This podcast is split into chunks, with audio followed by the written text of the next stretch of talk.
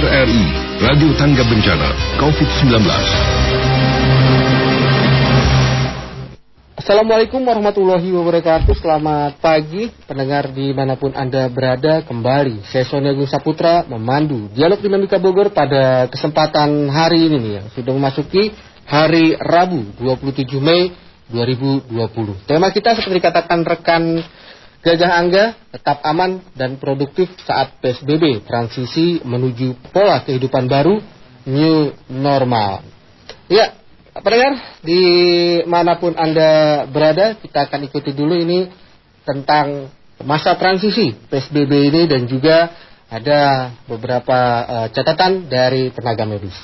Insya Allah Kota Bogor akan bersiap-siap memasuki fase tatanan baru Pertanyaannya, apakah fase tatanan baru itu? Fase tatanan baru akan dimulai di Kota Bogor, insya Allah pada tanggal 4 Juni 2020. Ini menyesuaikan dengan masa akhir dari PSBB di DKI Jakarta. Karena Bogor tidak terlepas dan terintegrasi dari Jakarta dan sekitarnya. Karena itu kita harus selaras, harus irama dengan Jakarta dan sekitarnya. Tadi saya pun sudah berkomunikasi, konsultasi dengan Gubernur Jawa Barat, eh, Pak Ridwan Kamil, yang memberikan ruang bagi Kota Bogor untuk memutuskan dengan pertimbangan kedekatan dengan Jakarta. Jadi walaupun PSBB di Jawa Barat uh, ujungnya adalah 29, tapi karena pertimbangan kedekatan dengan Jakarta, maka fase tatanan baru dari Kota Bogor akan dimulai pada tanggal 4 Juni. Kami menimbang dan memutuskan waktu hingga tanggal 4 Juni cukup untuk mematangkan perwali baru nanti yang akan menjadi landasan tatanan baru berikutnya dan juga memberikan kesempatan bagi semua pihak untuk menyiapkan dan mensosialisasikan itu. Fase setelah nanti malam hingga tanggal 4 Juni kami menamakan ini fase PSBB transisi. Kenapa? Karena e, ada beberapa penyesuaian ada beberapa adaptasi yang akan diberlakukan mulai tengah malam hingga tanggal 4 Juni nanti. Pada prinsipnya protokol kesehatan akan kami perketat.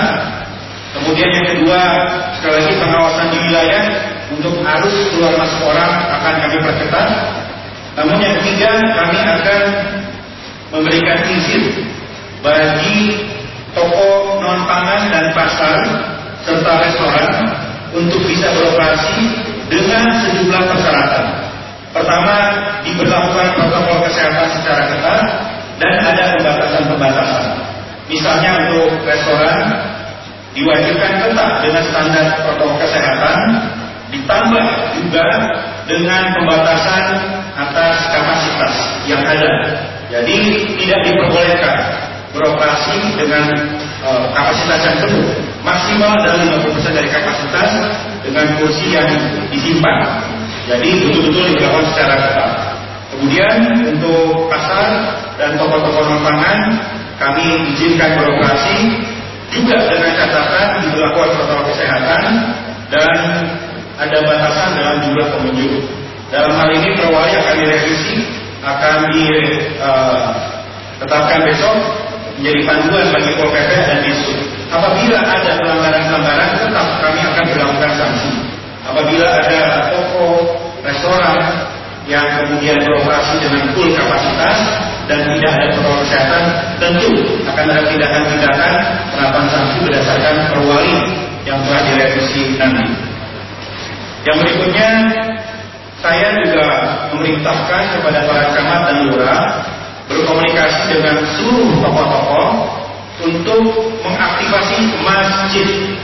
Masjid-masjid harus diaktifkan, harus diaktifasi sebagai pusat edukasi dan juga lumbung pangan atau logistik.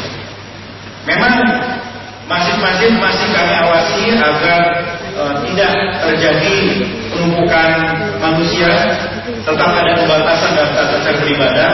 Tapi kami berharap masjid-masjid ini bisa aktif mengambil peran tidak saja untuk mengedukasi warga melalui corong-corongnya, melalui speakernya, melalui DKM-nya, tetapi juga bisa menjadi tempat alternatif untuk pusat logistik pengumpahan selain dapur-dapur umum yang kita aktifasi di setiap kelurahan. saya memerintahkan paling tidak satu kelurahan satu dapur umum. Ini untuk menutupi uh, kelemahan dari bansos atau BLT yang tidak tepat sasaran. Jadi diusahakan uh, semaksimal mungkin dapur umum aktif di setiap kelurahan dan aktivasi dari masjid-masjid dengan tetap diberlakukannya protokol kesehatan yang ketat. Masjid menjadi pusat edukasi, masjid juga menjadi crisis center. Tetapi tata cara ibadah tetap semuanya diberlakukan protokol kesehatan yang ketat. Ya, pendengar itu tadi uh, statement dari Wali Kota Bogor Bima Arya tentang masa transisi PSBB menuju pola kehidupan baru atau new normal. Nah, hal ini juga telah dikatakan dalam konferensi pers uh, sore kemarin ya di Balai Kota Bogor. Nah, untuk mengetahui secara lebih jelas lagi tentang upaya untuk tetap aman dan produktif saat PSBB transisi menuju pola kehidupan baru new normal COVID-19 di sambungan telepon sudah ada Kabak Hukum Pemkot Bogor Pak Alma Wiranta. Assalamualaikum Pak Alma. Waalaikumsalam warahmatullahi wabarakatuh. Selamat pagi. Selamat pagi Pak. Ya, Pak Alma, apa sih sebenarnya yang dimaksud uh, uh, PSBB transisi untuk nantinya menuju pola kehidupan baru new normal berdampingan dengan COVID-19? Silakan Pak Alma. Ya, baik. Uh, selamat pagi pendengar sekalian. Sebelum saya menjelaskan, saya menyampaikan minal aidin wal faizin, ya, mohon maaf batin. Uh, terkait dengan kebijakan tran PBB transisi ini, sebagaimana yang telah disampaikan oleh Pak Wali, Pak Wali Kota, uh, melihat dari PSBB 1, 2, 3, tentunya apa yang menjadi harapan dari pemerintah itu sejalan dengan masyarakat pemerintah daerah Kota Bogor beberapa waktu yang lalu Pak Wali memimpin untuk mendengar aspirasi dari pelaku usaha, akademisi, eh, kemudian dari masyarakat juga. Sebenarnya saat ini kita berada di dalam level 3. Jadi penilaian itu level 3 zona kuning ada 60% kelonggaran yang, bas, yang dapat dilakukan oleh pemerintah. Nah, saat ini kebijakan PSBB transisi menuju kebijakan the new normal itu sudah dirumuskan. Sesuai dengan uh, apa yang disampaikan oleh Pak Wali, kami bagian hukum hanya ingin mempertegas saja dari sisi regulasi ada dua aturan peraturan wali kota yang akan dirubah. Yang pertama perwali tentang pelaksanaan PSBB itu sendiri. Kemudian yang kedua tentang uh, petunjuk teknis pelaksanaan sanksi terhadap pelanggar PSBB. Nah, hal-hal yang dilakukan dalam PSBB transisi ini itu ada bidang prioritas yang harus dilonggarkan. Tapi saya tidak uh, apa bahasa dilonggarkan itu tidak tepat ya. Tapi prioritas menuju menuju the new normal. itu bidang ekonomi, kemudian uh, yang di antaranya itu adalah restoran, kemudian toko uh, non pangan itu yang yang disiapkan, dipersiapkan. Jadi bahasanya transisi itu sebenarnya dipersiapkan menuju the new normal. Tetapi pembatasan tetap dilakukan, protokol kesehatan tetap, kemudian uh, apa yang menjadi aturan induknya PSBB itu artinya ada tiga hal itu tetap harus dipatuhi. Tetapi uh, menuju arah the new normal kita harus mempersiapkan dan ini harus diedukasi kepada masyarakat seluruhnya. Jadi tidak kaget begitu Pak ketika kita nanti menuju tatanan baru. Baik, mungkin artinya gini Pak, apa yang harus dipersiapkan oleh tempat-tempat atau bidang-bidang tadi? Karena dikatakan tadi uh, usaha akan buka, masjid akan buka, bahkan sekolah yang diliburkan sekitar tiga bulan ini akan buka. Apa yang harus mereka persiapkan pada ya. masa transisi ini menuju pola kehidupan baru? Jadi gini, uh, tentunya nanti akan kaget ya begitu tanggal 5 Juni 9 hari ke depan ini tentunya akan menjadi sebuah hal yang baru. Kita semua merasakan yang selama ini terkekang, dibatasi, tentunya akan merasakan suasana yang berbeda. Nah, tetapi apa yang diharapkan oleh pemerintah terhadap pandemi ini sama supaya jangan ada penyebaran, peningkatan. Jadi kalau bisa turun.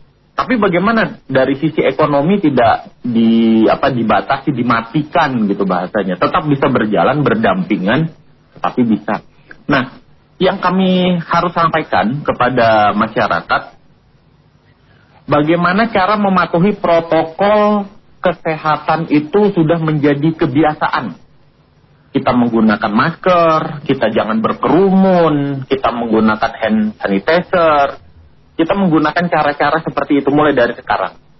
Nah, sehingga apabila kami membuka beberapa prioritas tadi, itu sudah sudah menjadi kebiasaan. Oh kita jangan berkumpul dulu nih sama yang lain, jangan lebih daripada uh, lima orang dalam satu tempat. Kemudian yang pola kantor tadi yang mejanya bersebelahan harus kita atur lagi lebih uh, jarak berjarak berjarak dan untuk masuk juga kita harus melihat dari kantor itu harus ada seperti hand sanitizer, cuci tangan. Mungkin seperti itu yang yang harus kita persiapkan dan masyarakat harus mempersiapkan pola itu mulai dari sekarang. Ada regulasi-regulasi penegasankah dalam masa transisi ini untuk menuju pola kehidupan baru? Karena kata Bapak ada berapa perwali yang akan dirubah. Iya, ada. Uh, perwali 30 nomor 30 itu mengatur tentang pedoman pelaksanaan PSBB. Ada enam sektor di sana yang e, dibatasi dari pendidikan, keagamaan, fasilitas umum, perkantoran. Nah, untuk saat ini skala prioritas itu yang e, tidak terlalu ketat ya dibatasi itu kami berikan latihan gitu latihan menuju the new normal itu yang pertama adalah di fasilitas umumnya itu toko toko non pangan. Karena selama ini kan hanya toko pangan atau logistik saja. Seperti restoran yang selama ini uh, apa takeaway ini kami akan coba, akan coba ya, akan coba. Nanti boleh dine in, makan tetapi harus 50% di sana. Jadi kapasitas di restoran itu apabila dilihat anggaplah ya uh, ada 10 meja berarti tidak boleh 10 meja, 5 meja. Dan satu meja itu biasanya empat harus uh, setengahnya. Jadi hanya dua orang begitu. Nah ini yang harus diterapkan dari sekarang. Jadi kebiasaan untuk uh, mempersiapkan dari the normal nanti. Artinya restoran-restoran ini diper, atau tempat usaha non pangan atau ini diperbolehkan buka atau bagaimana nih pelaksanaan implementasinya? 50% seperti yang disampaikan oleh Pak Wali. Jadi e, nanti akan dibatasi, akan dibatasi ini e, kita akan mempersiapkan lagi dan melihat apakah semua itu bisa diterapkan. Tetapi regulasinya tentunya sebagai penerang penerang itu itu apakah masyarakat patuh? Kalau nanti kita memberikan pengertian kepada masyarakat boleh makan di tempat, mengikuti aturan seperti ini kemudian dilanggar. Nah, ini yang uh, artinya gagal. Kita akan memberikan apa nih uh, uh, sedikit prioritas bahwa dalam hal ini sebenarnya keinginan masyarakat jangan terlalu dikekang. Ini kami sudah mengikuti protokol, tetapi kalau masih berkerumun dan masih juga melanggar dari protokol kesehatan itu harus tetap dikenakan ya teguran lah seperti itu. Baik. Penegasan saja Pak, ini kapan akan dilakukan ya katakanlah sosialisasi atau pemberitahuan kepada mereka pada saat saat transisi ini karena ada waktu sekitar 9 hari ya untuk menuju ke new normal 4 Juni mendatang. Iya. Um, sebenarnya ini saat ini udah kalau sosialisasi saya ini udah udah udah lewat ya untuk yang yang kegiatan PSBB. Ya, PSBB. Tapi ya, transisi ya, kan baru baru baru ke hari ini kan, Pak? Iya, kalau PSBB kita lihat begini, kita minta pengetatan saja yang luar biasa, itu masyarakat sudah banyak yang apa ya ngambil-ngambil kesempatan gitu ya, yang di hmm. sini ditaktifkan, di sana enggak. Jadi uh, ya kami hanya menghimbau saja nanti pada saat the new normal itu tidak perlu lagi kita melakukan pembatasan atau seperti sanksi-sanksi itu tidak perlulah kita perketat tapi masyarakat sudah sudah menjadi kebiasaan udah habit gitu Jadi tidak tidak perlu lagi ini ini untuk kesehatan mereka gitu kan. Nah, Mhm. aturan aturan itu sebenarnya hanya sebagai pendorong saja supaya paham apa yang harus dilakukan oleh masyarakat. Nah, ini yang yang eh, saya ingin tegaskan bahwa PSBB transisi menuju ke arah sana untuk mempersiapkan sebagai jembatannya, jembatannya yang secara bertahap menginginkan agar masyarakat nanti tidak euforia pada saat tanggal 5 Juni tidak euforia tetap harus menggunakan saat-saat yang sama dengan PSBB gitu. Masa transisi dilakukan untuk melakukan uji coba uji coba itu kan? Betul. Ya, Pak, bagaimana dengan uh, tempat-tempat ibadah? Masjid akan dibuka sebagai lumbung pangan dan juga pusat informasi uh, pencegahan COVID. Apa dari sistem hukum yang bisa dilakukan, Pak? Ya. Ini bahasanya untuk aktivasi masjid ini kan sebagai pusat keagamaan, pusat budaya, pusat eh, untuk menambah keimanan. Ini kan yang harus kita juga terus jalankan.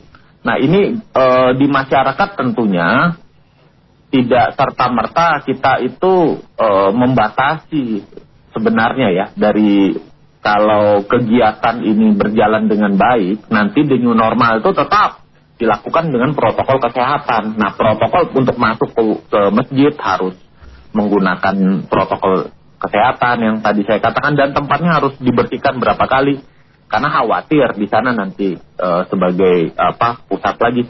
Nah, ini untuk dapur umum, kemudian nanti pusat pangan, itu saya rasa konsep begitu nanti akan kita apa ya kita kemas nanti. Ini kan masih dalam tataran abstrak masih hanya gambaran saja.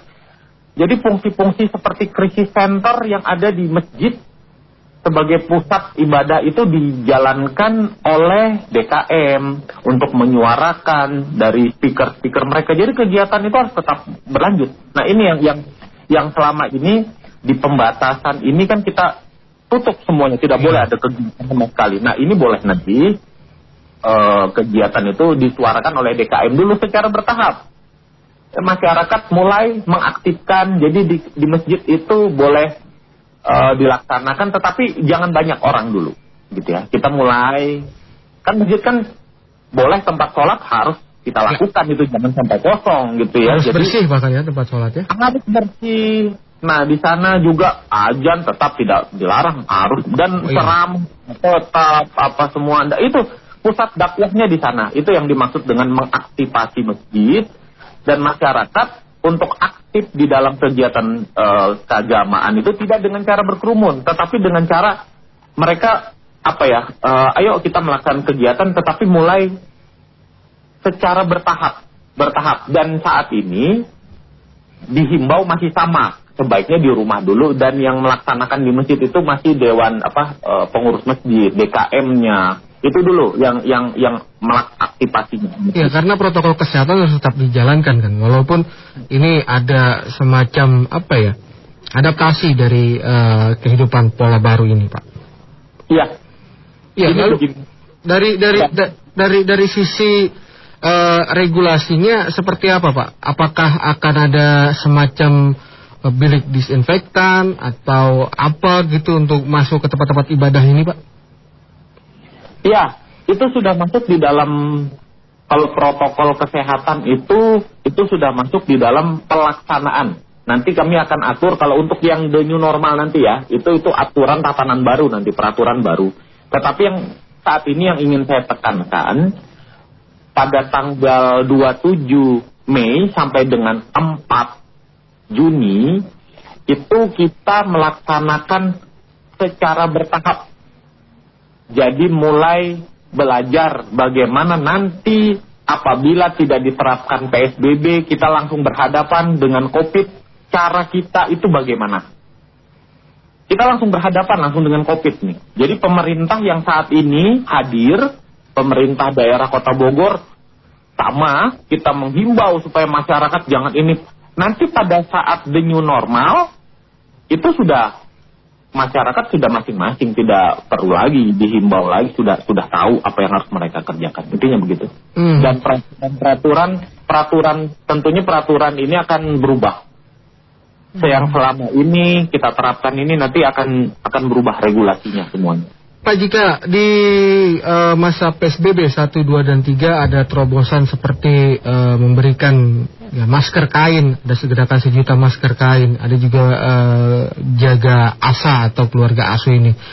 Apa ya. yang akan dilakukan pada saat masa transisi? Mungkinkah memberikan seperti bantuan uh, bilik disinfektan untuk tempat-tempat publik, tempat-tempat ibadah karena mereka kan juga akan menjadi pusat informasi, pusat kegiatan masyarakat untuk juga menjadi lumbung pangan bahkan saat COVID-19 ini. Silakan Pak Alma. Iya.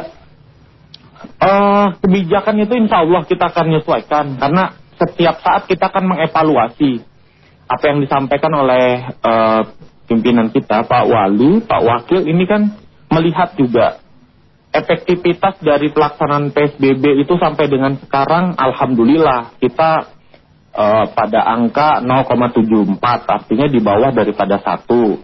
Nah, ini masa transisi sampai tanggal 4 itu kita mencoba kalau nanti ini berhasil Kota Bogor bisa menjadi rujukan. Berarti yang selama ini kita uh, lakukan apa nih membuka seperti apa nih ya bahasanya bansos atau apa ini berhasil mungkin dengan ketersediaan dana kita akan coba lagi itu kegiatan kebijakan ya kebijakan untuk memberikan stimulus kepada pelaku usaha masyarakat yang masih terdampak artinya dalam tahap pemulihan mhm. Insya Allah ya jadi dalam tahap pemulihan Insya Allah kita akan ikhtiar bagaimana tetap mengawal membantu masyarakat sampai benar-benar pandemi ini kita lalui tidak ada lagi uh, apa menjadi permasalahan. Ya, gitu. Baik, tadi Bapak sudah katakan bahwa akan ada juga bansos-bansos. Progresnya sampai dengan saat ini bagaimana Pak? Karena ini juga merupakan uh, satu kajian juga kan awalnya dari uh, bagian hukum juga Pak. Iya, ini Alhamdulillah, jadi pemerintah Kota Bogor sudah mengalokasikan sekitar 144 miliar untuk membantu uh, warga yang terdampak gitu ya saat ini. Nah kita melihat memang uh, beberapa kegiatan dari kami juga ya dari pemerintah Kota Bogor itu banyak yang dialihkan untuk membantu masyarakat. Jadi terjun ke masyarakat itu dalam bentuk bantuan-bantuan.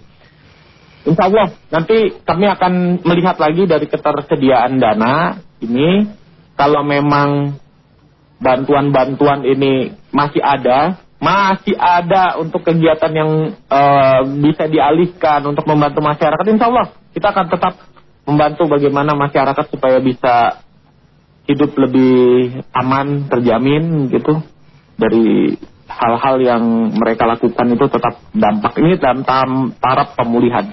Baik, Pak Alma karena keterbatasan waktu Anda juga ingin melakukan aktivitas lagi, apa ini uh, yang diharapkan pada masyarakat pada masa uh, PSBB transisi menuju pola kehidupan baru yang akan dimulai 4 Juni mendatang? Silakan Pak Alma. Ya, di masa PSBB transisi ini, kebijakan pemerintah Kota Bogor ingin bersama dengan masyarakat mempersiapkan hal-hal apa saja nanti pada saat tanggal 5 itu kita sudah dilepas semua. Dan saat inilah kedewasaan yang diharapkan masyarakat semuanya itu berpikir untuk bagaimana diri mereka sendiri paham bahwa kesehatan mereka itu mereka yang ini yang apa uh, meyakini apa yang mereka kerjakan itu seperti apa Nah, pemerintah daerah mengawalnya dengan nama PSBB transisi. Kami akan memberikan uh, apa seperti jembatan untuk ke arah ke sana. Jadi kami akan tetap akan memayungi masyarakat, memberikan kasih sayang, bahasa bawali dan ketegasannya seperti apa. Ini terus kami akan mengingatkan di masa transisi ini bahwa nanti kami akan memang kita akan sama-sama memasuki masa normal baru. Jadi saat ini harus mempersiapkan diri, jangan sampai euforia, kita harus tetap posisi seperti ini walaupun tidak ada lagi istilah PSBB. Itu penanganan saya. Baik, terima kasih Kabak Hukum Pemkot Bogor Alma Wiranta. Selamat pagi, Pak. Terima kasih. Makasih Pak Sony dan pendengar sekalian. Assalamualaikum warahmatullahi wabarakatuh. Waalaikumsalam warahmatullahi wabarakatuh. Ya pendengar itu tadi penjelasan dari uh, Kabak Hukum Pemkot Bogor tentang regulasi-regulasi apa nih untuk tetap aman dan produktif saat PSBB transisi menuju pola kehidupan baru new normal. Dan pendengar di tengah pandemi COVID-19 ini ternyata kawasan puncak Bogor diserbu ini oleh masyarakat dan ini juga ada penertiban puluhan warung makan di kawasan puncak yang melakukan pelanggaran protokol kesehatan. Berikut laporan Yofri Haryadi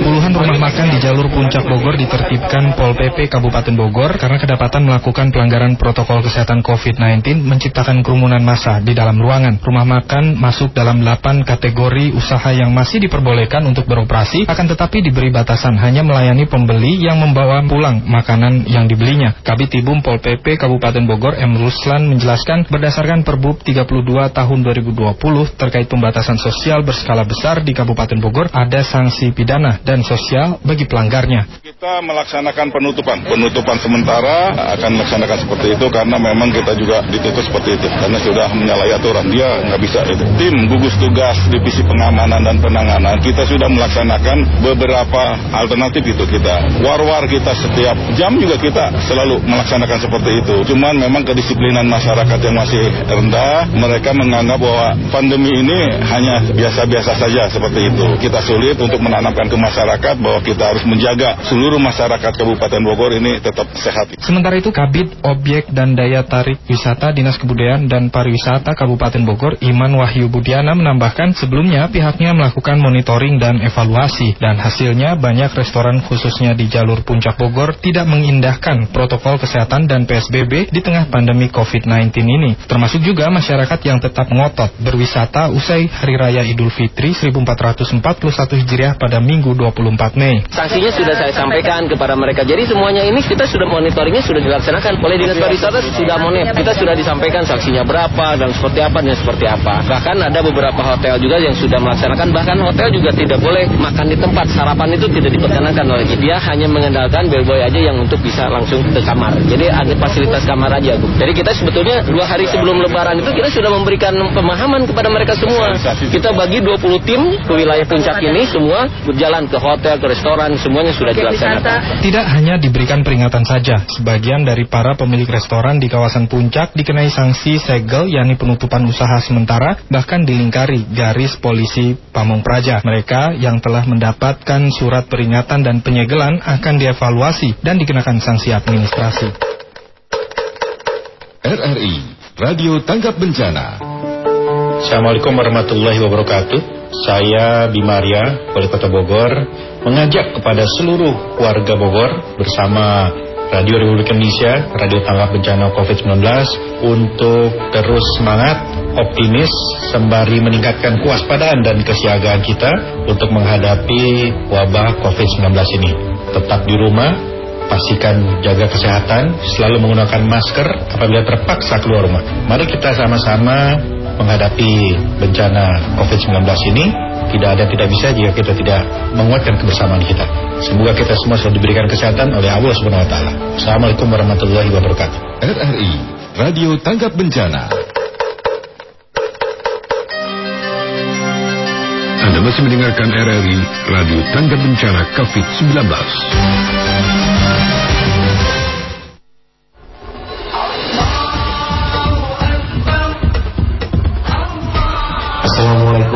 Warahmatullahi wabarakatuh.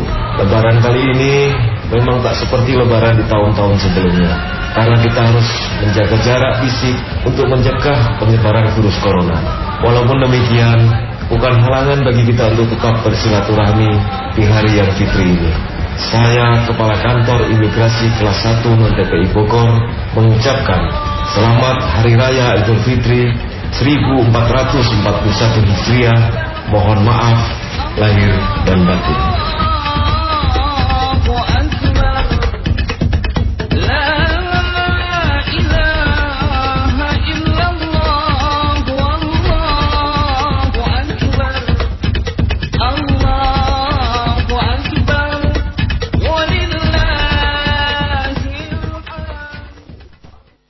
RRI Radio Tangga Bencana COVID-19 masih bersama saya Sonagung Saputra dalam Dialog Dinamika Bogor. Temanya tetap aman dan produktif saat PSBB transisi menuju pola kehidupan baru new normal COVID-19. Tadi sudah dijelaskan secara regulasi ya oleh Kabak Hukum Pemkot Bogor Almawiranta tentang apa dan bagaimana saat pola transisi ini menuju kehidupan baru new normal. Artinya nanti akan ada uh, iya semacam uji coba lah pembukaan dari tempat usaha, lalu sekolah, lalu uh, bahkan masjid akan kembali diaktifasi dengan adanya beberapa uh, catatan tentang protokol kesehatan yang harus dijalankan. Hal ini karena pendapatan daerah yang salah satunya atau dipergunakan untuk sektor pembangunan masyarakat ini merosot tajam mendengar sektor ekonomi terkena dampak yang sangat signifikan di mana pasar ditutup, e, mall ditutup sehingga pendapatan asli daerah PAD juga berkurang drastis yang ini juga yang notabene-nya untuk pembangunan-pembangunan untuk rakyat. Karena itu juga kita akan e, terhubung dengan Kepala Bapenda Kota Bogor, Pak Denny Hendana. Assalamualaikum Pak Denny, selamat pagi. Waalaikumsalam Kang Sony dan seluruh pendengar RRI di mana pun berada. Baik, Pak Denny langsung saja. Bagaimana posisi eh, PAD pada saat ini, terutama pada saat COVID-19 melanda karena sudah tiga bulan ya, Bogor dan sekitarnya ini melakukan PSBB pembatasan sosial berskala besar. Silakan Pak Dini. Baik, sebelum saya menjelaskan kondisi PAD Kota Bogor sampai saat ini, mungkin alangkah baiknya kalau saya coba jelaskan dari awal ya. Baik, silakan. Dari awal kondisi eh, apa namanya penyebaran COVID-19 ini yang melanda tidak hanya lokal di Kota Bogor, tapi juga regional di Provinsi Jawa Barat, nasional Indonesia dan bahkan dunia kan. Iya, pandemi. Jadi pandeminya ini tidak hanya melanda kita saja. Sejak awal, sejak uh, bulan Maret atau awal April yang lalu, para ahli sudah uh, mencoba melakukan uh, perhitungan-perhitungan selama berapa bulan uh, pandemi ini akan berlangsung, terus eh, kapan ada peaknya dan kapan akan berakhir dan simulasi-simulasi ini yang menjadi dasar dari kami di Bapenda Kota Bogor untuk melakukan perhitungan-perhitungan tentunya uh-huh. melakukan eh, prognosis eh, seberapa besar eh, PAD itu atau khususnya pajak daerah akan mengalami shortfall atau penurunan akibat kondisi ekonomi yang sudah tidak berjalan sebagaimana biasanya atau normal gitu ya. Karena kan e, kalau pajak daerah khususnya itu kan merupakan gerbong, sementara lokomotifnya adalah ekonomi atau kegiatan Betul. ekonomi. E, Kang Tony, Uh, sebagaimana diketahui bahwa para ahli memprediksi kalau saya awalnya uh, pada awalnya itu para ahli memprediksi ada dua dua apa namanya dua prediksi lah. Prediksi pertama adalah prediksi yang optimis di mana uh, pandemi ini akan berlangsung uh, selama tiga bulan. Terus prediksi yang kedua pandemi akan berlangsung selama lima bulan.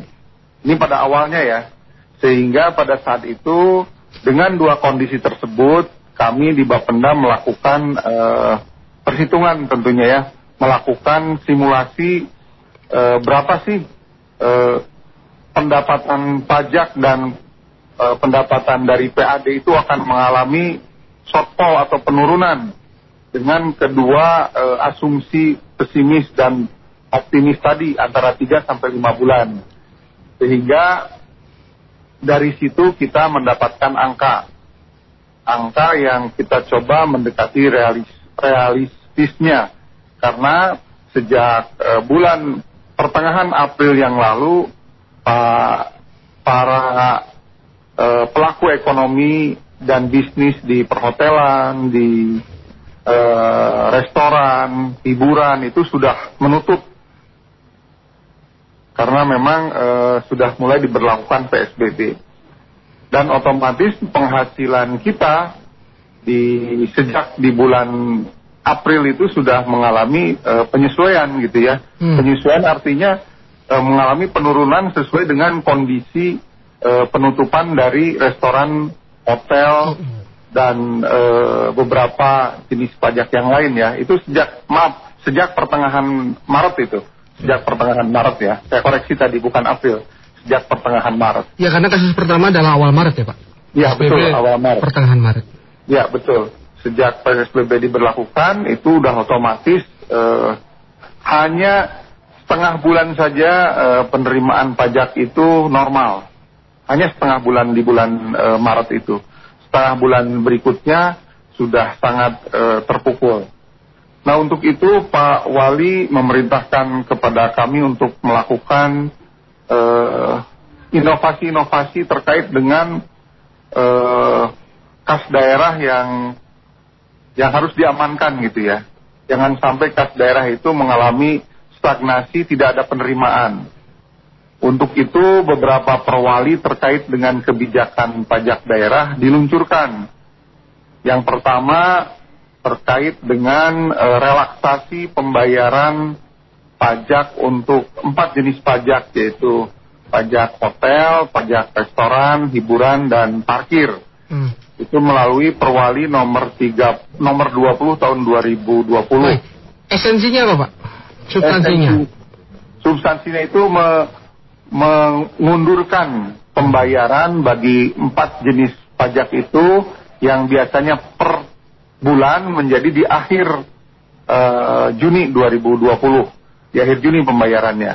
Hmm. Nah, perwali yang kedua adalah pengurangan PBB yang mulai berlaku tanggal 21 eh, April 2020 itu memberikan pengurangan 15% bagi eh, yang membayar di bulan April, 10% yang membayar di bulan Mei, dan 5% yang membayar di bulan Juni, serta membebaskan denda administrasi bagi pembayaran tunggakan.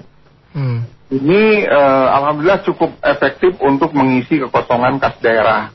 Karena untuk bulan April yang lalu penerimaan khususnya dari pajak daerah memang didominasi dari pembayaran PBB akibat kita memberikan pengurangan ya terhadap eh, masyarakat. Jadi pada bulan April yang lalu penerimaan kas daerah kita relatif sama dengan eh, rata-rata di bulan triwulan pertama Januari, Februari, Maret itu sama dengan bulan April. Baik. Artinya bagaimana dengan sektor jasa empat urat nadi tadi Pak? Restoran, eh, nah. hotel, eh, hiburan dan parkir. Karena empat ini merupakan urat nadi jasa di Kota Bogor. Betul. Karena keempat itu otomatis di tiga bulan eh, yang kita prediksikan di bulan Maret, April, dan Mei itu sudah eh, sangat belum belum beroperasi lah ya. Mhm. Eh, tadi kita sudah dengar dari Pak Alma penjelasan tentang PSBB transisi kan bagaimana Betul. nanti kita akan mencoba membuka kembali beberapa kegiatan ekonomi dan ini bulan Maret, April dan Mei itu ke keempat jenis pajak yang memberikan kontribusi hampir sepertiganya itu otomatis sangat terpuruk. Hampir eh, di bawah 50% penerimaannya. Di bawah 50%. Itu pun yang paling besarnya hanya di dua minggu pertama di bulan eh, Maret. Untuk itu makanya eh, untuk mengisi kekosongan dari kas daerah itu Pak Wali mengeluarkan pengurangan PBB sama yang terakhir itu memberikan pengurangan BPHTB, Kang Sony. Ya artinya di sektor-sektor properti kan yang masih bisa Ya, jalan. betul. kan? Untuk menutup kekurangan Baik. pemasukan dari sektor yang lain, kita coba menggenjot dari sektor PBB dan BPHTB. Sehingga di bulan Ap- eh, April, Mei, dan Juni itu eh, dominansi penerimaan eh, pajak daerah itu dari dua jenis pajak Hmm. ini. Baik Pak, artinya pada empat sektor itu berpengaruh tidak terhadap PAD yang digembar-gemborkan akan mencapai satu triliun? Kalau dengan kondisi sekarang, tentunya PAD itu akan mengalami penyesuaian. Di semua kabupaten kota, bahkan di provinsi dan nasional juga, target eh, pendapatan pajak pasti mengalami penyesuaian. Tidak akan sama dengan target yang sudah ditetapkan di awal. Baik, untuk Kota Bogor bagaimana kondisinya, Pak? Kita masih eh, menunggu nanti hasilnya karena ada dua sisi APBD itu kan, sisi pendapatan dan sisi pengeluaran. Ah, dari pemerintah pusat sendiri melalui SKB 2 Menteri diperintahkan kepada seluruh eh, kabupaten kota untuk menyesuaikan dengan memotong 50% persen eh, belanja barang dan jasa dan 50% persen belanja modal. Otomatis dengan eh, rasionalisasi ini maka pendapatan daerah juga akan mengalami eh, penyesuaian gitu kan tidak eh, sama dengan penyesuaian eh, dengan target yang awal. Betul. Kondisi yang sudah di-announce oleh Pak Wali kita bisa sampai ke level 60% dari eh, kondisi dari target awal gitu ya. Dari target awal gitu kan. Ini tapi hitungan secara secara detailnya kita menunggu hasil perhitungan eh, APBD yang disesuaikan berdasarkan perintah dari SKB 2 Menteri tersebut. Ya, ini kan masih asumsi-asumsi ya, Pak ya? Betul. Ya, bagaimana dengan nanti akan ada PSBB transisi? Saat ini PSBB transisi, mohon maaf, menuju pola kehidupan baru. Apakah ini akan memberikan angin segar bagi perekonomian hingga meningkatkan PAD, Pak? Itu sangat memberikan respon positif bagi dunia usaha. Karena eh, lokomotifnya adalah dunia usaha, maka ketika relaksasi pemberian PSBB transisi itu dengan membuka misalkan restoran, Pak Wali mengizinkan restoran membuka dengan kondisi 50% dari kapasitas, pasar dan toko non pangan diizinkan kembali dibuka, itu sangat eh, memberikan respon positif bagi dunia usaha. Tapi tentunya sebagaimana tadi penjelasan Pak Alma, eh, protokol-protokol kesehatan tetap dijalankan ketika PSBB transisi ini. Dan nantinya pada tanggal 4 eh, Juni ke depan kan tentunya ada tahapan-tahapan lebih lanjut. Eh, misalkan tahap satu itu bagaimana, tahap dua bagaimana sampai dengan kondisi new normal yang sekarang eh, Pak Wali perintahkan kepada kami untuk me- merumuskan merumuskan itu gitu kan, merumuskan tahapan-tahapan itu. Baik. Artinya kita masih berharap ini adanya peningkatan eh, geliat dari ekonomi kita di masa PSBB transisi ini dengan adanya ya kalau kata istilah Bapak nih relaksasi dari eh, kehidupan menuju pola kehidupan baru. Bukan begitu Pak Denny? Betul, betul. Jadi kan ini transisi ini hanya beberapa hari saja Sembilan ya. hari Pak. Oh, sembilan hari saja dengan memberikan sedikit kelonggaran untuk restoran, untuk pasar, toko non pangan dibuka. Nanti selanjutnya pasca itu sesudah 4 Juni itu nanti pasti ada aturan lebih lanjut yang detail. Ini tahapan ini mana yang buka. Kan ini menyangkut seluruh kehidupan ya, tidak hanya ekonomi. Ada pendidikan juga anak sekolah, mungkin Ya. untuk kegiatan outdoor, olahraga, hiburan dan lain sebagainya. Bagaimana pengaturannya? Ini kan harus detail harus kecil ya, tidak hanya ekonomi saja karena menyangkut seluruh segi kehidupan barangkali Kang Sony. Baik. Ini saja Pak Denny yang mau ditambahkan? Eh, saya memang menghimbau kepada masyarakat Kota Bogor khususnya ya, boleh ya? Ya. Eh, kita masih ada waktu sampai Juni sesuai dengan Perwali nomor 31 tahun 2020 tentang pengurangan PBB bagi masyarakat yang memang belum membayar PBB di Kota Bogor segera membayar PBB mumpung ada diskon Siap, siap, siap. 10% dan 5%. Baik, baik, Begitu juga BPHTB sesuai dengan Perwali 38 Baik. 10%. Ya, terima baik. Terima kasih Pak Denny atas kebersamaannya dan Sama-sama Kang Sony. semangat menghadapi COVID agar kita bisa kehidupan yang baru yang lebih baik. Terima kasih Pak Denny Hendana, Kepala Bapenda Kota Bogor. Assalamualaikum warahmatullahi wabarakatuh. Baik, pendengar kita akan uh, rehat dulu sejenak. RRI, Radio Tanggap Bencana. Assalamualaikum warahmatullahi wabarakatuh. Saya Kolonel Armet Teguh Cahyadi, Komandan Kodim 0606 Kota Bogor bersama RRI Radio Tanggap Bencana COVID-19 agar mengikuti anjuran pemerintah yaitu rajin mencuci tangan, menjaga pola hidup sehat, konsumsi makanan yang sehat, hindari keramaian atau jaga jarak, hindari berkunjung ke wilayah lain atau pulang kampung, berolahraga untuk menjaga kesehatan.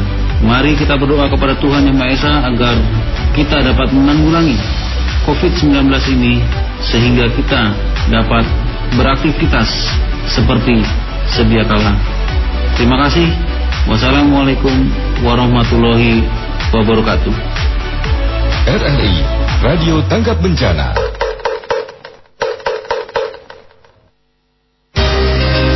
RRI Radio Tanggap Bencana COVID-19. Baik pendengar tadi ada sejumlah narasumber juga yang sudah menerangkan bagaimana tetap aman dan produktif saat PSBB transisi menuju pola kehidupan baru atau new normal. Nah, tadi sudah dari sisi pemerintahannya, bagaimana dari sisi uh, pengamat ekonomi dan kita sudah bersama dengan ekonom uh, kita Bu Cut Ema. Selamat pagi Bu Cut. Selamat pagi. Iya. Bu Cut sehat ya Bu Cut ya, karena minal aidin wal faidin juga ini karena baru bersua kembali nih di RRI setelah Ya. uh, lebaran ini. Langsung saja Bu Cut, ini apa yang harus dilakukan masyarakat ekonomi untuk tetap aman dan produktif saat PSBB transisi menuju pola kehidupan baru new normal COVID-19. Silakan Bu Cut. Ya, terima kasih. Eh, ini dengan Pak Sony ya? Iya Bu Cut. Oh iya.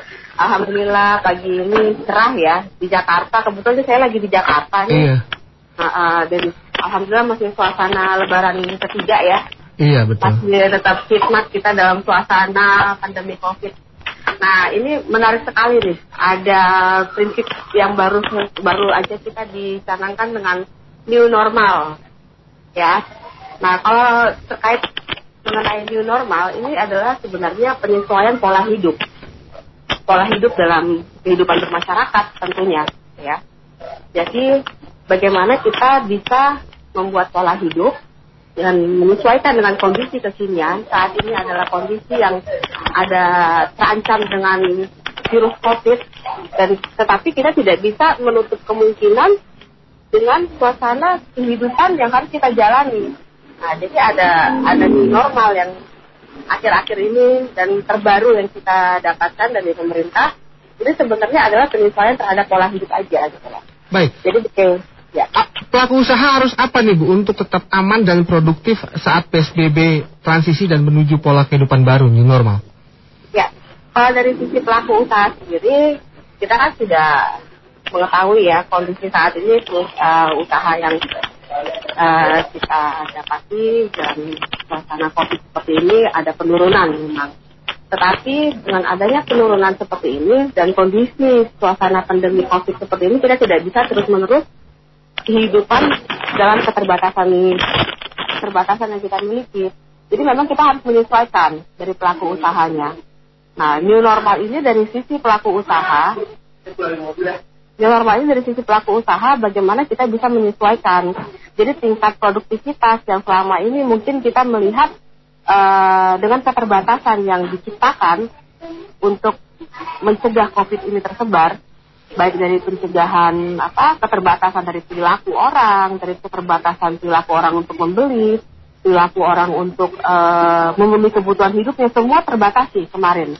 Tapi dengan adanya perilaku new normal ini, nah kita harus menyesuaikan pola hidup saat ini. Baik pelaku usaha kita sudah mulai menerapkan prosedur protokol kesehatan, ya.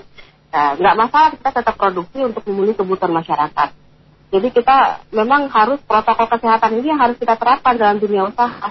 Ya seperti kita misalnya protokol kesehatan ini dalam dunia usaha. Yang pertama untuk tingkat produktivitas kita tetap harus mencanangkan itu ya dengan memakai pola tetap physical distancing. Dalam usaha memproduksi kita harus tetap menetapkan bagaimana uh, pola produktivitas itu kita bisa meminimalisir meminimalisir COVID ini tersebar. Gitu loh. Apakah Bu Cut yakin ini dengan pola hidup baru ini akan memulihkan lagi ekonomi Indonesia? Karena beberapa sektor industri besar UMKM juga terpukul adanya COVID ini setelah PSBB selama hampir tiga bulan. Bicara tentang keyakinan kita harus yakin, nggak ada pilihan gitu ya. Karena memang harus yakin ini adalah the real life gitu. Jadi memang eh, new normal ini menjadi satu keharusan yang harus kita terapkan dalam situasi kondisi seperti ini. Jadi bukan pilihan buat kita, tapi memang ya situasi begini ya memang kita harus menerapkan bagaimana kita hidup berdampingan dengan COVID. Bagaimana tingkat kita secara internalisasi mempersiapkan diri kita secara pribadi untuk uh, melihat COVID ini memang ada di sekitar kita dan bagaimana pencegahannya. Dan kita nggak bisa uh, kita memberikan keterbatasan dalam diri kita karena ada COVID gitu ya. Sementara kehidupan di luar sana mengharuskan kita untuk melakukan sesuatu hal yang normal gitu ya. Jadi memang harus mempersiapkan diri kita masing-masing. Dan pemerintah dalam hal ini sebagai uh, aparatur negara ikut juga membantu mempersiapkan warga negaranya untuk melihat dan menerima kondisi seperti ini dengan menerapkan new normal ini. Tapi tetap harus kembali lagi ke pribadi masing-masing. Kita harus tetap menyiapkan diri kita secara internal. Bagaimana kita menghadapi uh, situasi seperti ini situasi yang terbaru seperti ini. Baik. Ini kan artinya pada dunia-dunia usaha seperti mall, UMKM atau restoran, hotel harus menyiapkan menyiapkan instalasi-instalasi protokol kesehatan kan Bu. Ini tentunya ada kos produksi juga yang harus dikeluarkan. Bagaimana menurut Ibu ini juga bisa berjalan selaras antara profit dunia uh, usaha dengan kehidupan uh, new normal ini, Bu? Iya, memang ada uh, kos tambahan pasti yang akan uh, imbasnya yang akan dirasakan oleh pelaku usaha. Contoh dalam segi apa uh, seperti Mas Tony bilang tadi hotel atau mall ada perlakuan khusus yang harus diterapkan. Memang ada kos tertentu yang harus disiapkan untuk itu. Nah kita dihadapkan dengan pilihan yang nggak nggak nggak mudah gitu ya. Ketika dari sisi ekonomi permintaan itu berkurang, ya maka supaya itu tidak akan terjadi. Hmm. Nah kita nggak mau nggak mau menghindar terhadap permasalahan itu. Nah makanya memang ada pos yang harus kita siapkan. Bagaimana kita bisa menciptakan produktivitas dalam bidang ekonomi, kita tetap bisa menerima uh, apa menerima peredaran peredaran uang yang terjadi di masyarakat, kita harus siap, mal-mal harus siap menerima uh, orang yang ingin berbelanja. Begitu juga dengan UKM-UKM harus siap menerima pesanan-pesanan dalam situasi dan keterbatasan yang saat ini terjadi. Nah, perlakuan-perlakuan khusus yang mereka terapkan dalam standar operasional prosedur mereka, ini ada kos tertentu tentu mereka bisa menyesuaikan gitu. Dibandingkan mereka tidak melakukan apa-apa dalam kondisi seperti ini, mereka justru akan menutup. Tetapi ketika mereka membuka perlahan-lahan, mereka akan membuka lapangan pekerjaan baru. Mereka akan mencoba untuk uh, ikut menstimulasi perekonomian itu berkembang dengan adanya uang beredar di masyarakat, maka akan ada muncul permintaan, setelah ada muncul permintaan maka akan ada produktivitas yang tinggi. Nah ini sebenarnya semua berkesinambungan dan semua adalah sinergisitas dalam suatu negara gitu menurut saya. Baik, ini kan juga berkaitan dengan supply dan demand yang seperti Ibu katakan. Apakah masyarakat harus diyakinkan bahwa yuk kita beraktivitas lagi di mall dengan mengikuti protokol kesehatan dengan adanya instalasi-instalasi seperti itu Bu? Ya, kita harus meyakinkan masyarakat. Karena memang kondisi seperti ini memang seperti itu gitu loh. Tapi bukan berarti kita tidak mengindahkan protokol kesehatan. Silakan yang seandainya mereka paham betul mereka tidak perlu sampai harus ke mall ya nggak usah gitu loh. Karena mereka kan tahu bagaimana zona yang mereka hadapi. Ya kalau kita ke rumah sakit yang kita tahu di situ pasti orang yeah. orang takut gitu ya. Begitu juga kalau kita ke mall, nah risiko itu pasti lebih besar dibandingkan kita hanya ke toko yang mungkin yang dekat dengan rumah kita. Jadi semua harus cerdas dalam bertindak dan semua harus paham yang kita hadapi adalah sesuatu yang sifatnya uh, intangible, tidak terlihat gitu ya maksudnya. Jadi si virus ini tidak terlihat dengan kasat mata, tapi hmm. dia ada di sekitar kita. Jadi memang harus ada harus dipersiapkan gitu loh. Baik. Ini berarti protokol kesehatan akan jadi bagian dari perlindungan konsumen berarti Bu ya pada saat datang-datang ke tempat-tempat uh, pusat kegiatan atau pusat uh, perbelanjaan ya? Iya benar benar sekali. Makanya protokol kesehatan ini uh, tidak hanya dari masyarakat individu sendiri yang mensafetikan dirinya dia, tapi juga negara harus wajib menyiapkan segala sarana prasarana fasilitas terkait mengenai protokol kesehatan jadi nggak apa ya menurut saya yang namanya uh, apa masker, yang namanya apa itu sanitizer, yang namanya sabun untuk cuci itu tuh harus disiapkan dalam kondisi seperti ini gitu loh. Baik. Heeh. Baik, terima kasih Bu Cutema atas kebersamaan kita pada pagi hari ini. Tetap Sama-sama. sehat dan Amin, semoga Indonesia lebih baik lagi ke depannya. Amin. Terima, Terima kasih Pak. Bu Cut. Ya, pendengar, itu tadi dialog kita untuk tetap aman dan produktif saat PSBB transisi menuju pola kehidupan baru, new normal bersama sejumlah narasumber. Terima kasih untuk Kabak Hukum Pemkot Bogor, Pak Alma Wiranta. Terima kasih Kepala Bapenda Kota Bogor, Pak Denny Hendana. Dan terakhir tadi kita sudah terhubung dengan eh, ekonom kita, Bu Cut Ema. Akhir kata, saya Sonda Gung Saputra, rekan Gagah Angga dan rekan eh, Dedi Sudiana undur diri dari ruang dengar Anda dalam dialog dinamika Bogor kesempatan hari ini. Wassalamualaikum warahmatullahi wabarakatuh. RRI Radio Tangga Bencana COVID-19